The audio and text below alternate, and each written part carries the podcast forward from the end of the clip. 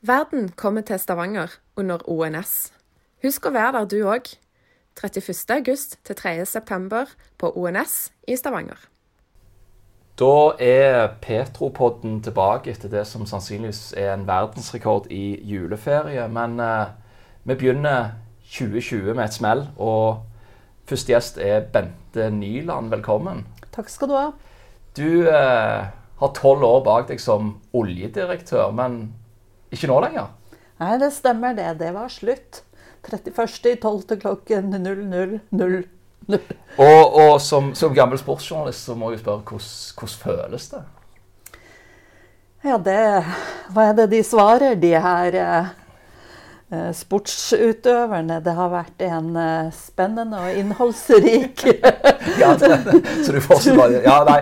For, ja. Nei, men eh, jeg føler jo at det har vært en utrolig spennende jobb å ha hatt. Um, jeg syns vi har fått til veldig mye. Så er det kanskje en del ting som en skulle ønske man hadde fått til. Og så er det jo rart å ikke ha sitte med det ansvaret i. ja, for hva gjør du nå? Helt konkret? Helt konkret. det konkrete i øyeblikket er jo at jeg rydder, rydder opp etter meg, men uh, i realiteten så er jeg litt fri fant. hvor, hvor, lenge kan du være det, liksom? Det er jo, det er jo litt Det henger jo på at jeg eh, har jo karantene mot å jobbe i oljebransjen. Og så lenge det er det jeg kan, så har jeg i hvert fall et halvt år jeg ikke kan ta en jobb i oljevirksomheten. Men betyr det at du ikke har jobb i Oljedirektoratet nå? Eh, nei, ja, jeg har lønn fra Oljedirektoratet. Ok, ja. Men ingen oppgaver? Nei. Hørtes så greit ut. Hva, hva, skal du benytte den tida til? da? Nei, altså, Jeg har oppgaver, men oppgavene de er delegert av departementet. Så ja. jeg har er såkalt i disposisjon for departementet. Ja, Så det betyr at du, du, du, skal ikke fortsette karrieren her? altså? Nei, det ser jeg ikke som veldig sannsynlig. Hva skal jeg gjøre her? Nei, det må ikke spørre meg om. det var nesten finnes. Men, men, det, er noen som har foreslått at jeg skal begynne å lese TFO-søknader. Men jeg har sagt at det, der, der bildet er done that. Der går grensen. Der går grensen, ja. ja. Nei. Nei. Men hva ser du for deg, da? Altså, da, da, da, er det, da, er veien ut? Ja, jeg ser vel for meg at, at etter hvert altså Jeg føler at jeg har enda mer å gi enn å pensjonere meg, som jeg kunne nok tatt en AFP til sommeren. Men jeg syns jo at jeg har mer jeg kan levere på, så jeg tenker jo at enten jobbe innenfor ja, det jeg kan, altså olje og gass, men kanskje mer mot teknologi og forskning og utvikling, og ikke akkurat den her eh, bygge ut og lete etter mer, men se på hvordan kan man bruke eller ta i bruk ny, mm. nye metoder. Og, så jeg har jo sikter meg jo kanskje mer inn i den retningen enn direkte den her ut, utbygging og produksjon og leitebiten. Okay. direkte. Men, men, du har jo en du har jo fortid. Du starta vel karrieren i det private? gjorde ikke du? I, i jeg startet i det som het Statoil, ja. Så jeg har fem år fra Statoil. Og så inn i forvaltning hvor lenge? Eh, ja, da ble det 30 år, faktisk. Er det noe liksom du føler som, som, du har ugjort, som du ikke har fått gjort i forvaltningen, som du kan få, få utløp for i de private? Da? Altså, er det sånn kongstanke som Ja, du, du, vet når du har sittet i en posisjon som jeg har, så er det jo fort at du møter deg sjøl i døra når du går ut i det private. Det så det er derfor jeg har tenkt at kanskje jeg kan få brukt noen av det jeg kan av, av hva som skjer på sokkelen, hva som skjer i, skjer i undergrunnen, og hva som kanskje fortsatt trengs å forstås, og da går det mer mot leverandør teknologi, FoU-siden. Så det er vel der jeg er i øyeblikket. Ja. Så ser jeg vel Jeg har jo kanskje at uh, Jeg ser vel for meg at litt sånn uh, Hva kaller du styreverv? Det er jo det man ender opp med som regel etter i min posisjon. Ja. Men eh, jeg har lyst til å være aktiv fortsatt. Men geologien, som, som jo er faget ditt, kommer den til å stå sentralt i det nye? eller? Neppe. Jeg må jo si at nå er det så lenge siden jeg har gjort et dagsverk i geologi at nå er det mer på Så du går på dato der, altså? Ja, det trenger noen basis. ja, nei, du, gikk jo ut, eller da, da jeg gikk mer over i lederfunksjoner, det var jo da det store teknologi skap, eh, eh, eh, heter det, teknologitrappa kom inn i geologi med my, mye mer 3D, med mye mer tolkningsstasjoner, med mye mer avanserte analysemetoder. Og, Og da gikk jeg mer over mot administrasjon. Så hvis du gir meg fargeblyant og en papirlinje, seismisk linje, så skal jeg klare det. Ja, Men- men det er jo ikke helt i sånn men- digitaliseringsånden Nei, som, som rir bransjen. si- Så, så. Nei, så skal jeg tolke, tolke seismikk f.eks. i dag, så må jeg nok eh, Kanskje et sånn nostalgisk Ja. lite, lite oljeselskap kunne Men vært det var det jeg fleipet litt med, at da kan jeg jo alltid lese TFO-søknader, for fortsatt så, så kan jeg jo skjønne hva det handler om. Stemmer det. stemmer det. Nei, men, men for å spole litt tilbake, da. altså Du, du tok over i 2007, men da hadde du allerede hatt noen sånn underdirektørroller? Eh, Ja, jeg hadde jo vært i en, i en annen lederposisjon jo, det har jeg vel vært siden 1994 eller der omkring. Ja. Så, men eh, jeg satt jo inne i Gunnar Berge sin ledergruppe da han plutselig valgte å gå på dagen for å ta over som styreleder i Petoro. og det var sånn i løpet av en times tid. Så, Så du ble kasta uti det? Det kan du bokstavelig talt si. Jeg sto vel midt oppi en sånn fisk- og seismikkrig i Lofoten og ble kalt opp til kontoret til med beskjed Gunnar Berge vil snakke med deg. OK, tenkte jeg. Nå, jeg, nå brenner det igjen oppe i Lofoten. Ja, så fikk jeg bare beskjeden om du, når du går ned på kontoret ditt nå, så vil departementet ringe deg og spørre om du vil ta over som oljedirektør, for jeg går nå. I dag. I dag. Var det, var det en no-brainer, eller, eller? Det var en sånn uh, OK. Ja. Du får bare det spørsmålet én gang, Ja, tenker sant. jeg. Og jeg var vel i en sånn situasjon at det hadde gått alle gradene, så det var vel den eneste stillingen jeg ikke hadde hatt i direktoratet. Så jeg tenkte jo, jo OK.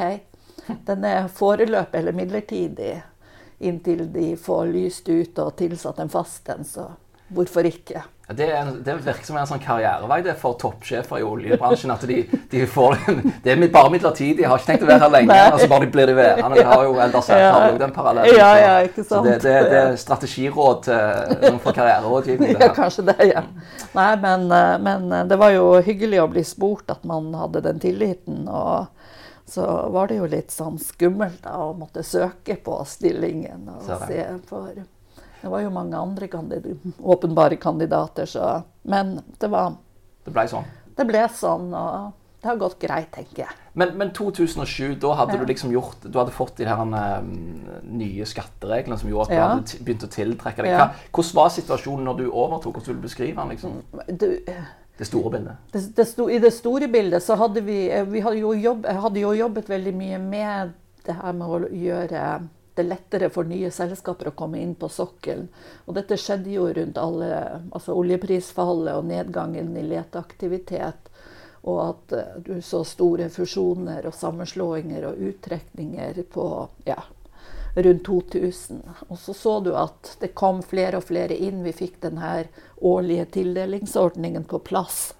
Og så så vi at eh, letingen ikke tok seg sånn opp som vi hadde trodd. Og så så vi jo etter hvert at dette hadde en skattemessig årsak. Altså de som var i skatteposisjon, de holdt det gående, men alle de her nye selskapene som ikke hadde produksjon, de kom ikke i den posisjonen at de kunne ta det store satsningen. Nei, det ble for mye penger. Nei, og dermed så begynte vi å jobbe med å få til en eh, At du kunne ta ut en skatterefusjon på et tidligere tidspunkt. Mm. Og den, den refusjonen og det, de virke, altså det som skjedde etterpå, det har vel prega mye av din periode som Ja, det har jo gjort det. Fordi du fikk jo plutselig den boosten som vi savnet på, på leting. Og, og du så at det begynte å få resultater. Og vi så flere selskaper som ble veldig aktive på leting med dyktige folk. fordi det her handler jo også om at du har gode folk som, som, som setter i gang og har de mulighetene og får den tilliten av sin ledelse som skal balansere dette ut. Men det handler vel òg om at de gode folka har de rette, Ja. i de rette plassene. Ja, ja. Og da handler det om at du har en, eh, noen med penger som satser på deg. ikke sant? Det er jo ikke verre enn det. Nei. Og, og du kunne gjøre det lukrativt nå for sammenholdt med f.eks. de store selskapene og Statoil, Hydro den gangen, som var i skatteposisjon, og, men som kanskje ikke hadde det insentivet som andre. Eh, vi- Eh, så du var jo i den settingen hvor du begynte å gjøre altså, Lundin begynte jo å, å bore ganske mange brønner. Du fikk maraton inn. Eh, du fikk eh, Ja, det er jo flere som har kommet inn på det tidspunktet Mm. som så, så, så gjorde jo Lundin funnet funn av det som i dag er Edvard Grieg, og da så man jo at eh, her hadde man eh, andre muligheter ut fra hvordan oljen lå i det reservoaret, og dermed så var du på sporet av Johan Sverdrup. da. Og den ble jo veldig sånn skjellsettende. Men det skjedde jo i det samme året, så fant du jo Johan Castberg også i Barentshavet, og du, du, du fikk til beslutninger på en del eh, utbygginger som man ikke hadde trodd skulle skje. Ja, for før det, altså før Sverdrup og Ja. Castberg-funnene, så var vi i en sånn eh, støvsugerfase der vi liksom, Ja. veldig mange hadde gitt opp, og det var nedtrapping. det, det var jo en stor diskusjon i olje- og gassmiljøet om det som ble kalt forvitrings- og eh, eh, forventningsbanen. Og forvitringsbanen var jo veldig klar rundt at hvis du ikke gjorde noe så, eh, og fikk modnet fram nye ressurser, så var det det som kom til å prege eh, de nærmeste årene, og da gikk det bratt nedover. Men eh, vi så jo at vi hadde, ut fra de ressursanalysene, så mente vi jo at det lå nok ressurser til at du kunne få til en forventningsbane hvis du begynte å jobbe med en del av de forutsetningene som skulle til. Og leting var en av de. Og så var det å jobbe med å få til dette med tredjeparts tilgang til feltene. Ja, Så det du kunne- så du kunne, ja, så du kunne begynne å bygge ut eh, de her småfunnene som lå rundt omkring, men hvor du måtte få en lettere tilgang. Ja, føler du at dere kom i mål med det, eller har kommet i mål med det? Ja, vi har i hvert fall kommet veldig langt. Altså nå, er selvfølgelig har vi fortsatt en del felt hvor de står liksom mot hverandre. Men de fleste steder så pleier jeg å si du løser det fem minutter på midnatt. Så, så er det jo helt klart at men, men du har laget noen spilleregler som gjør at for det første at partnere skal løse det selv før myndighetene eventuelt griper inn. Og som regel så går dette veldig bra. Og det er jo helt klart det er jo en vinn-vinn for alle sammen. ikke sant? Moderfeltet får forlenget levetiden. Og kan i forbindelse med den forlengelsen også hente ut mer av sine ressurser, fordi du får en deling av kostnader på noe av områdene. Og de som sitter med småfeltene, du kan få ned kostnadene i dag med en sånn undervannstemplate som er lett å knytte opp i. Så, så kostnadene nå eh, for å bygge ut de småfeltene har jo gått dramatisk ned ved at man har fått til dette systemet. Mm. Eh, du, altså, når, når du liksom er ferdig, så er det vel naturlig å liksom, gjøre opp litt sånn status. Eh, jeg antar vel nesten at den største oppturen allerede er nevnt. Men hva, hva ser du som den største oppturen i, i karrieren din som oljedirektør? Nei, det er jo, det er jo vel, veldig mange ting som, som slår seg sammen til ett. Altså. Jeg tenker jo, vi jobbet jo Hvis vi tar på leting og tar det litt sånn fasevis, så på så var det jo veldig spennende at vi fikk, eller at man fikk til en eh, avklaring med Russland og åpning av områdene mot øst. Selv om det ikke har vært den store suksessen, så var det helt klart viktig. Og vi fikk på plass og kart og Det er viktig fordi at Det var viktig fordi man fikk avklart ressursgrunnlaget, og man fikk på plass en avtale på en utforskning av noe som kunne være stort. Fortsatt troen på det. Vi har et par brønner igjen, men eh, det er jo Det ser jo ut til at det ikke er så veldig spennende akkurat nå. Like greit de bare hadde det. Nei, men det vil jo alltid være en sånn Men, eh, det, men eh, det vil jo alltid ligge der som en sånn Ja, kanskje det er noe stort nå. Det er jo akkurat det samme med Lofoten. ikke sant? Kanskje ligger det noe stort der. Og det er jo hele dynamikken innenfor bli- Ja. leitemiljøet i oljeselskapene. Det er jo å komme ut i de nye områdene og se fins det noe der. Holder teoriene våre stikk? Men, men akkurat det siste, det kan vi vel se langt etter. Å komme ut i Lofoten og undersøke det. Tror du ikke det? det, det, jeg tenker at det som er viktig, eh, det er jo at man i hvert fall har en eh, viss formening om hva som kan finnes av ressurser der, hvis det skulle bli en åpning en gang i framtiden. Men akkurat nå så tror jeg nok at det er vanskelig. Ja, men, men dere estimerer jo sant? det har jeg lurt på, altså, dere Ja. estimerer jo hvor mye ressurser det er, men dere estimerer jo før leidebrann. Altså, det. Til og med med leidebrann er det jo vanskelig også. Ja, sant? Så hvor, nøyaktig er en sånn øvelse? Nei, den er jo ikke nøyaktig, men den er bedre enn ingenting. Ja, så det, Så det, det det, er vel på det nivået Ja. der. Og det er jo klart at, at Lofoten er jo mye enklere fordi du ligger nær der du har kontroll på geologien, mens er du langt ute i Barentshavet, så blir det større usikkerhet. Eh, Så det er jo, men det er jo en eh, men, men du kan si at selv i de, det vi kaller modne områder, altså den vel utforskede delen av Nordsjøen og Norskehavet eh, vi, vi ser jo, vi mener jo at det fortsatt ligger ressurser der, og det viser jo leteresultatene.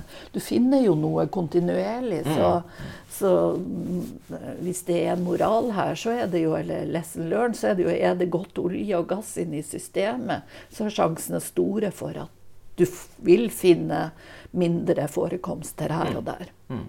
Men, men eh, vi har jo liksom gått der at eh, et oljefunn er ikke nødvendigvis gode nyheter lenger. Jeg, opp, jeg oppfatter at Oljedirektoratet opplever det som en god nyhet. Ja, altså det er jo på en måte Ja, altså det er når det er jobben. Den dagen vi får beskjed om at vi ikke skal lete etter mer olje og gass, så er det jo helt klart Da har du endret forutsetningene, men fortsatt så, så er jo olje og gass en etterspurt vare, og Norge har valgt å produsere den. Og da er, jo, da er det jo en god nyhet, og den gode nyheten den er jo linket til at vi kan få den til markedet ganske greit. Vi har fasilitetene, og vi har kompetanse. kompetanse. Og det er jo gode nyheter for det kompetansemiljøet vi også har i Norge, og den leverandørindustrien vi har. Det er jo, den har jo et veldig godt omdømme, og selv om du kan si at Norge kanskje er på eh, tenker, tenker litt annerledes enn veldig mange andre land, så, det, så ser de mye mer til Norge og hva Norge har klart å få til, og ikke minst hva leverandørindustrien har. Jeg var i Brasil her rett før jul på en sånn stor olje- og gasskonferanse. Da var det morsomt, å, eller det, du blir jo litt sånn fornøyd når du får høre all gode omtalen av norsk leverandørindustri og de og de selskapene, og de er så flinke. Og så står sjefen i Petrobras og sier at eh, ja, Equinor er best, og vi er nest best. Ja, riktig. Og da tenker jeg, og det, vi skal bli like gode som Equinor. Ja. Og da tenker jeg, da har du på en måte laget noen standarder som andre kan strekke seg til. Mm. Og så sier jeg jo til Equinor da at ja, men så håper jeg at dere tar de standardene dere har i Norge, også med dere til de andre landene der. Mm. Det er jo det som er det viktige er her. Stemmer, stemmer. Men, men skjønner du altså eh, I hvilken grad skjønner du de som sier at et oljefunn ikke er bra nyheter, da? Altså, for det, det er jo mange av de òg. Jo, det Selvfølgelig skjønner de, altså. Men, men det er jo men, men da hadde vi jo ikke drevet med leting hvis vi ikke skulle gjøre oljefunn. Da måtte vi ha sagt at vi skal ikke drive med denne bransjen. Ikke, men når vi først driver med den, så er det jo bare dumt å si at, man, at det er en dårlig nyhet med at man har gjort et nytt oljefunn. Da må man heller ta det mye tidligere og Ja. si at vi skal ikke drive med Ja, dette. for det er dumt å lete og ikke ønske å finne. Ja, det syns jeg jo. Det er jo i hvert fall dumt. Ja, det er sant. Det kan jeg være enig i. og Det tror jeg de fleste forstår logikken i òg.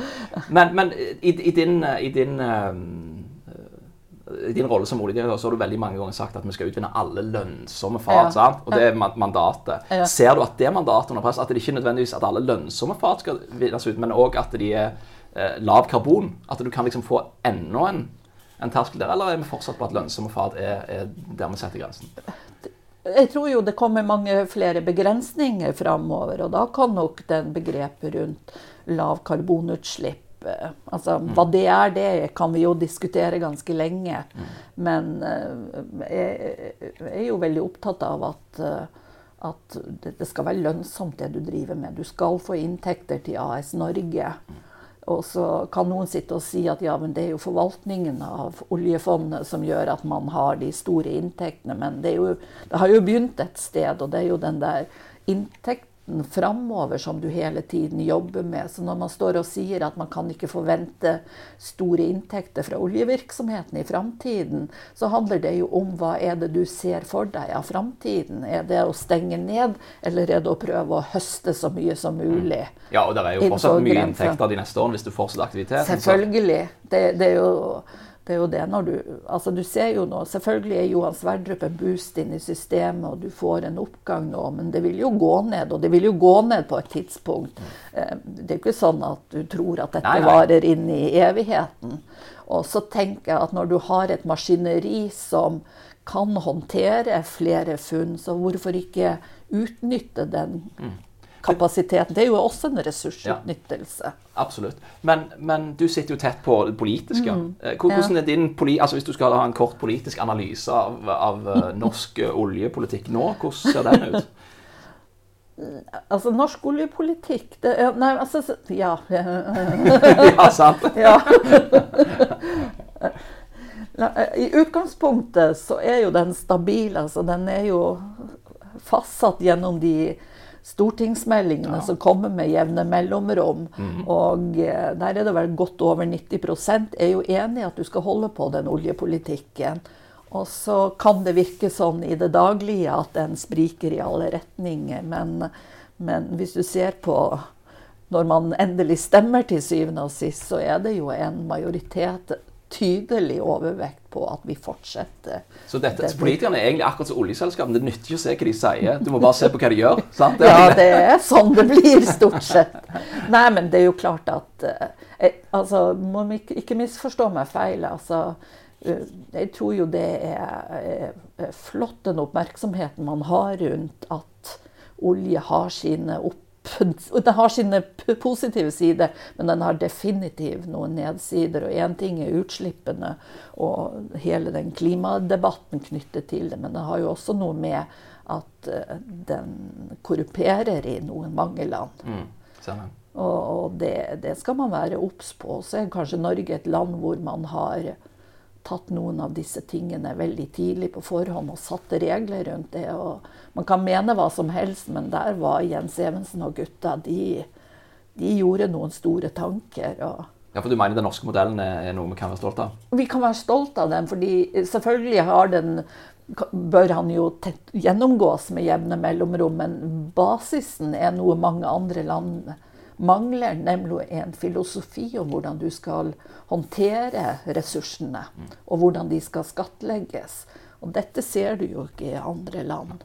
Og der, kommer, der, der blir det jo at du ser til Norge og så sier jøss, har dere et oljefond? Hvordan har dere klart det? Jo, man har laget noen rammer rundt det. Og så er det sånn, du kan ikke begynne å tulle med de rammene. Det, ja, du, du, kan litt. du kan litt, og, og, men eh, det er jo den forutsigbarheten. Og så tenker jeg jo, Dette er jo absolutt noe som noen burde ha tenkt i forbindelse både med vann, vind, nei, vann er det jo, vindkraft og laks, for den, mm. hvis vi tar noe i tiden. altså du har store ressurser. Hvordan utnytter du de på best mulig måte og lager en ramme rundt det som gjør at den er akseptabelt av folk, og du får en inntekt rundt det. Og det er en, det er en måte dette skal håndteres på. Jeg skulle nesten tro at du hadde lært, men, men de har ikke tatt det med seg. Den har forbausa meg veldig. Men det er jo tilbake, du, du, gjorde ikke det fra dag én. Og da er det med en gang når du begynner å komme inn og skal endre, så det, det, det, er jo et annet samfunn ja. eh, enn den gangen. Ja. Altså, så er mer kapitalistisk, sannsynligvis. Ja, men, men, men, eh, men, det er jo fantastisk at du har klart å holde på den norske modellen i så mange år. og og det er litt sånn hiccup innimellom. Man må se på skatteleggingen og det hele. Og det er jeg helt enig du må se på skatteleggingen. Men du kan ikke bare ta leterefusjonsordningen, fordi den er en del av et større bilde. Så tar du leterefusjonsordningen, så må du jo se på resten ja, det, det, det er jo det man ikke ser. Man, man ser bare den der at og så kaller man det leterefusjon, men man skjønner jo ikke dette med til, eller, utgifter til inntektservervelse, som det vel heter i, i den vanlige ja. skatte... Men det, det, er litt vanskelig å kommunisere òg. Altså, Hvis du skal prøve å forklare det, så, så blir det Kjempevanskelig, ja. Det, altså, det, det, er vanskelig å argumentere mot at altså, Du kan kalle det subsidier, men på den ene sida så, så eh, så du gir det jo en gode, Ja. men så får du den igjen senere. Ja. Så, Sånn er det jo. Men, men samtidig er jo det et fortrinn som resten av næringslivet ikke har. Altså Hvis jeg starter ei pølsebu, så kan jeg ikke få inn altså, Nei, men Så- du kan trekke av Ja. utgiftene dine. Ja, etter at jeg har sant? at du du, får det Og det det var den gamle. Ja. Så dette, dette er jo Du har flyttet Ja, den. men du har en fordel. Sant? Du har en fordel, Men, det er men, helt men enig. han, tidsmessig så er han Ja. ja. Men så tar jo staten deg direkte, Definitivt. så det holder når Ja. det kommer ut. Så det er jo derfor i det lange løp så har jo dette vært fryktelig lønnsomt. ja. Og så er det jo så mye penger, ikke sant. Det her snakker vi om milliarder når det begynner. Og dermed så blir det jo vanskelig å skjønne. Tenk at AS Norge gir milliarder til disse rike oljeselskapene. Men samtidig så glemmer du å ta med at de samme oljeselskapene de har måttet betale inn 300 milliarder i Ja. Det, det som blir worst case, er jo at olje, altså oljebransjen som helhet betaler tilbake, men du har enkeltselskaper som, som legges ned, og så får de ubetalte. betalte. Det er det som blir skrekkeksemplene. og det er jo helt klart at eh, da er du jo tilbake til eh, kanskje en annen reell diskusjon. Skulle du åpne opp og tillate alle selskapene? Ja, at du skulle hatt en, en eh, Kanskje større ha krav til Kanskje er det. Altså, du har jo et krav til kompetanse og det hele, men kanskje skulle du hatt en større krav rundt modellen og hvor mange og hva de skulle gjøre. og Mm. det, det, det, det er jo sånn, men eh, vilkårene da, da vi, vi åpnet opp for nye selskaper, da var det vanskelig å begynne å sette at du skal få lov, men du får ikke lov. Og hva er da forskjellen? Ja, og et skatteregime er, det er jo vanskelig òg i et vanlig skatteregime å eh, bare sikre seg at du bare får bedrifter som går bra. Ja. Sant? Altså, du må ha noen, eh, noen som går dårlig for at du skal liksom få noe. selvfølgelig. Og, og, og hvis du går inn på leiting, så er det jo med en gang at du har ja, Du må tåle å bore ganske mange tørre brønner før du kanskje gjør lykken. Mm. Og på en moden sokkel så er det ikke sikkert du gjør det store funnet som er en company maker. Nei. Nei, jeg ser den. Men, men apropos den leterefusjonen, den, den står i fare nå. Gjør den ikke det? Det, det vet jeg ikke. Må, den skal, bør veldig, uansett så bør han jo vurderes om han står i fare.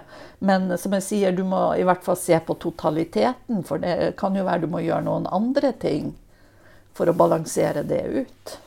Ja, hva, hva tror du altså, Nå skal du slippe å liksom bestemme Nei, ikke- du, men hva, hva, hvis du liksom kunne, kunne bestemt alt, da, selv om du har vært oljedirektør, så har du ikke bestemt alt. Men hvis du Nei. kunne bestemt alt, hva hadde du gjort? Nei, skatt skal jeg ikke rote meg borti. Det, da må du stå opp tidlig om morgenen. Men eh, Nei, jeg, jeg, al- hvis man skulle ha sett på noe nå Jeg er ikke så opptatt av leterefusjonsordningen. Nå er vel kanskje mer å se på uh, når du nå kommer mot slutten av mange felt. altså og den her senfasen, altså hva kan du gjøre for å håndtere den? Er det noe noe skattemessig som kan gjøres. Men, men det vet jeg ikke, det har jeg ikke analysert. Men her handler det jo om hva, hva gjør at du kan holde liv i det i, i, i produksjonen. For å sikre at du får med deg alle. Mm.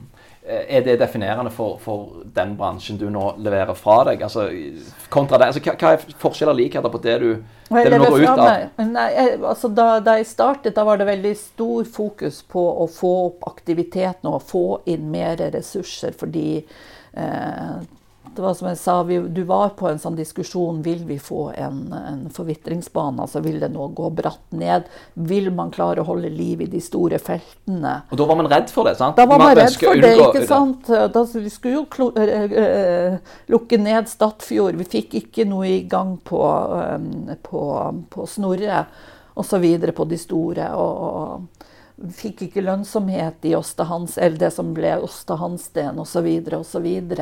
Ville vi få til noe mer i Barentshavet? Altså, det var jo også en sånn lønnsomhet og materialitet i det hele. Derfor ble det viktig å klare å hente ut mer eh, olje og gass fra undergrunn med tanke på å holde infrastrukturen og eventuelt gjøre noen store funn. Mens jeg tror nå er du enda mer i en høstefase, fordi nå har du tatt noen sånne store jafs på leteområdene. Du har jo hatt en enorm tildeling i løpet av både de tolv årene, og hvis du går tilbake til 2001, da vi begynte den, så har du jo 20 år med årlige tildelinger, så det har jo vært en eno- enorme eh, arealtilgang. Og vi har jo passert hva var det, 1083 lisenser nå som har vært tildelt. bare på og, Så, så du, du har fått et omløp av areal, så du har på en måte tatt den her grove letefasen. Nå er det mer den infrastrukturletebiten som jeg tror kommer til å bli dominerende. Men Vi risikerer ikke å få et nytt Sverdrup, da, så er vi i gang igjen? Nei, men det skal du være forsiktig med. Altså, det ser man jo, man gjorde jo et ganske brukbart funn på britisk sokkel i fjor. Og det var jo i en sånt sted man hadde drevet på leiting før. Så det er en sånn follow the oil. Ja. Eh, Men du, du har jo fått æren av å samarbeide med veldig mange forskjellige politiske partier og olje- og energiministre. Er, det- er det noe forskjell? Altså, nå, nå, liksom, nå gikk jo Sylvi Listhaug Ja. av, og så kommer det inn en ny, og, og hun var 33 dager, så hadde du eh, sånn, Vi ser veldig lite til ministrene. Det er jo på en måte Vi forholder oss til departementet og til de, det det, tildelingsbrevet, som det så fint heter, som vi får fra Stortinget. Som på en måte definerer arbeidsoppgavene. Jeg tror nok departementet er mye mer på den politiske bildet. Vi er ikke, vi er ikke der så, Så du har ikke en sånn favoritt-olje- og energiminister? Nei, det, nei jeg, har, jeg har sagt at vi skal ikke mene så veldig mye om Nei, det kan jeg det, ikke så si. men, ja. det er jo sånn det, det, det er jo det som er, ligger der hele veien, at du må kunne håndtere og være leder i Uavhengig av ministre. Så, og det har vel blitt syv stykker i min tid. Syv stykker, ja. Ikke mer? Det har mange de siste, da, de siste årene. Ja, hadde du hatt det omløpshastigheten, så hadde du Ja, hatt ja, 70. har- ja, ja, hele min tid i OD så tror jeg kom til noen og tyve. Så Ja. det sier jo noe Du skal takle de fleste, da. Det har vært fra jeg tror, de aller fleste partiene. Ja. Men, men du vet, når du er politikken er der, og Stortinget har satt noen rammer på det, så går på en måte eh, det sånn kontinuerlig. Så det er jo litt mer avhengig av hvor engasjert ministeren er i virksomheten eller ei. Så det er jo mer det, men det føler nok departementene mye mer på, som er mer direkte på. Men du har, du har jo altså Oljedirektør det må jo være en av de kuleste titlene, arbeidstitlene. Og så, så har du jo reist ned, så jeg lurer på altså, Og når du liksom reiser på besøk til noen, så er det jo prisgitt hva de har satt opp for et program. Ja. Har du liksom vært med på noen sånn Det må jo være en del elleville historier for hva, hvordan du har blitt møtt eh, i, i noen av disse landene. Nei, altså eh, Du vet, Norge er jo ganske sånn Du, du er ikke noe sånn pompøsitet over ting, men uh, mens du kommer til land som du hadde forventet var litt mer, og så er det jo litt mye svarte limousiner og Har du ikke noen gode eksempler? Nå, det, nå, nå har du endelig sjansen. Har Nei, nei, jeg, vet du hva, jeg har egentlig ikke Altså, det, det er veldig stor Det jeg kan si, det er at det er veldig stor forskjell på Asia og Afrika. Men hvis du reiser rundt Europa og USA, så er det veldig sånn Da er byråkrater De skal ikke ha noe ekstra. Okay. Så det er veldig sånn gjennomgående at det er ikke noe tull der. Hva, hva vil du huske var- best fra dine år? Liksom? Nå, nå, nå var du i gang med en god historie. Kom igjen nå. Nei, nei men det, det er klart at du, du blir jo sånn Dette var jo egentlig før jeg ble oljedirektør, men da var jeg i India og bygde opp et oljedirektorat. og da skulle jeg besøke statsoljeselskapet ONGC, og da, da var det den digre kontrasten med hvor fikk, vi fikk hver vår eh, limousin med sjåfør. og Jeg har ikke hatt kjørt Har du ikke hatt det i Oljedirektoratet? Nei, Jeg veldig dårlig med Jeg har limousiner her. trodd at du hadde limousin. Jeg pleide å fleipe med det. Jeg var på et par, har vært på et par sånne konferanser sånn, i, i mange av de landene der. Og da er det sånn alle andre oljedirektører de kommer med, med limousin og koffertbærer, og jeg kommer diltende på bussen. på bussen eller taxi. Det er vel Jeg det. tenker det er, vel, det er vel greit på den ene siden at det er sånn det er. Det er vel det som er den norske modellen. Er Det det er nok den norske modellen, så, så det er nok mye mer pomp og prakt rundt en del sånne posisjoner. Men det er vel fordi det krever så mye å komme dit. Og, jeg vet ikke, men det er vel en del av kulturen. Mens her er det ikke. Altså, USA de er jo, de er jo hakket enda verre enn oss. Altså, der er det knapt en kaffekopp. Ja, altså du de, de har ikke budsjettet, rett og slett. De er så kutta inn at det å spandere kaffe på besøkende er nesten en sånn du må jo ta det av egen lomme. Det, da, da, ble jeg litt sånn, da ble jeg mer sjokkert over at det, at det er den veien. Ja. At det er den ja. veien. I, da passer det fint at jeg takker for kaffen her, for jeg har fått den. Eh, og uh, fått et bra intervju. Så uh, tusen takk for at du var med, Bente Nyland. Og så lykke til videre, så skal vi følge deg tett. Jo, takk for det, du. det var det vi hadde for Peterpodden i dag. Tusen takk for at dere fulgte oss. Og så skal jeg love å komme tilbake med en ny sending litt raskere enn forrige gang. Takk skal du ha. Verden kommer til Stavanger under ONS. Husk å være der du òg. 31.8 til 3.9 på ONS i Stavanger.